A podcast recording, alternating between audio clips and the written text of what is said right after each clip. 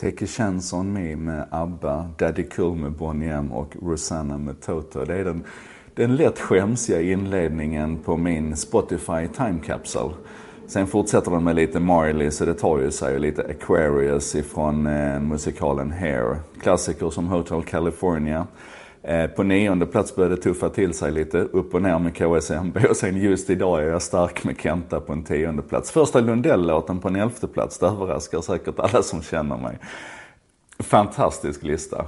55 låtar har Spotify satt ihop till mig i min lilla time capsule och idén är att det ska vara en sån här throwback-sak. Att eh, man ska liksom komma tillbaka till den musiken man lyssnade på en gång i tiden. Och folk är djupt fascinerade över det här. Det lanserades igår.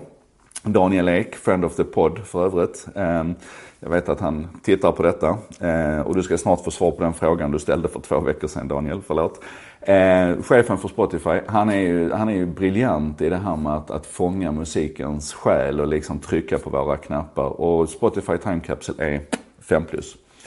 Men vad den inte är, det är det som många andra sådana här time capsule-applikationer är. Ni vet Timehop och Moments och, och den som finns i Facebook, den här eh, eh, This Day in History eller vad det nu heter för någonting. För vad de gör, de här tjänsterna som fångar våra postningar i, i sociala medier, det är att de fångar reaktionerna också. Är ni med? Vi får alltså inte bara som i det gamla fotoalbumet, den här saken hände 1966 när jag föddes. Ehm, så här såg mamma och pappa ut på, på mitt dop. Utan den fångar ju också reaktionerna runt omkring. Vad sa mamma och pappas vänner? Vad sa mormor? Vad sa morfar som inte finns längre? Ehm, är ni med? Alltså, de här applikationerna som, som verkligen är sådana här throwback-applikationer som plockar upp den här bilden som, som publicerades på Facebook för tio år sedan med alla kommentarer runt omkring ger ju en helt annan kontext. Och det där får man ju klura på någonting som, som skaver lite grann. En, väldigt många föräldrar idag eh, ska ju vara, ska ju liksom så här, av respekt för sina barn så säger man att nej men vi publicerar inga bilder på våra barn förrän de är vuxna nog att fatta egna beslut och, och avgöra själv. Och på ett sätt kan jag förstå det för att det är ju klart att personlig integritet är ju superstarkt och, och jätteviktigt. Och ryggmärgsreflexen kan jag förstå att man liksom vill att, att ens barn ska få lov att bestämma själv. Check på det. Men vad man samtidigt gör är ju faktiskt att du tar ifrån barnen möjligheten att när de är 50, 60, 90 år gamla sitta och titta tillbaka på de här postningarna där där eh, eh, mamma och pappa postade bilden på dig när du hade fått din första tand och, och alla deras vänner som du har så här vaga förnimmelser av hur, vad de skrev och, och du vet, du får en kontext.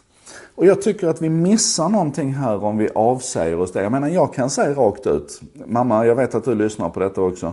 Jag hade varit tokig på dig och pappa om Instagram och Facebook och YouTube och alla de här tjänsterna vi har idag. Om de hade funnits när jag var liten och ni inte hade postat bilder av mig. För det är ju det hela den här throwback-grejen handlar om, att få komma tillbaka i tiden. Inte bara till den enskilda bilden utan till hela den här kontexten. Och nu ska jag inte knuffa alla föräldrar där ute i en speciell riktning. Ni ska fatta era alldeles egna beslut.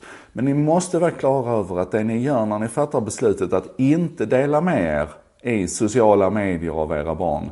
Det är ju faktiskt också att ni fattar ett beslut att, att ta ifrån dem den biten. Och det är ju så, avvägningar man gör. Jag vill bara att vi inte alltid ska gå på den här första ryggmärgsreflexen och säga, nej men så, jag vill att de ska besluta själv. För det kan de inte. Ni har redan fattat beslutet till dem. Ni har sagt att eh, din personliga integritet är viktigare än att du, att du i ett senare skede kan liksom titta in i den här, i den här throwback-bubblan. Ja men det var bara det. Och så ni har väl Spotify allihopa antar jag. Så gå in och kolla upp eh, Your Time Capsule på Spotify. Jag ska posta min. Jag hoppas det går att dela dem. Jag ska posta min så att ni kan se hur, hur, hur skämset men samtidigt alldeles underbart det är. Och så, och så gå inte på ryggmärgsreflexen alltid utan tänk ett steg längre. Ja, slut för idag.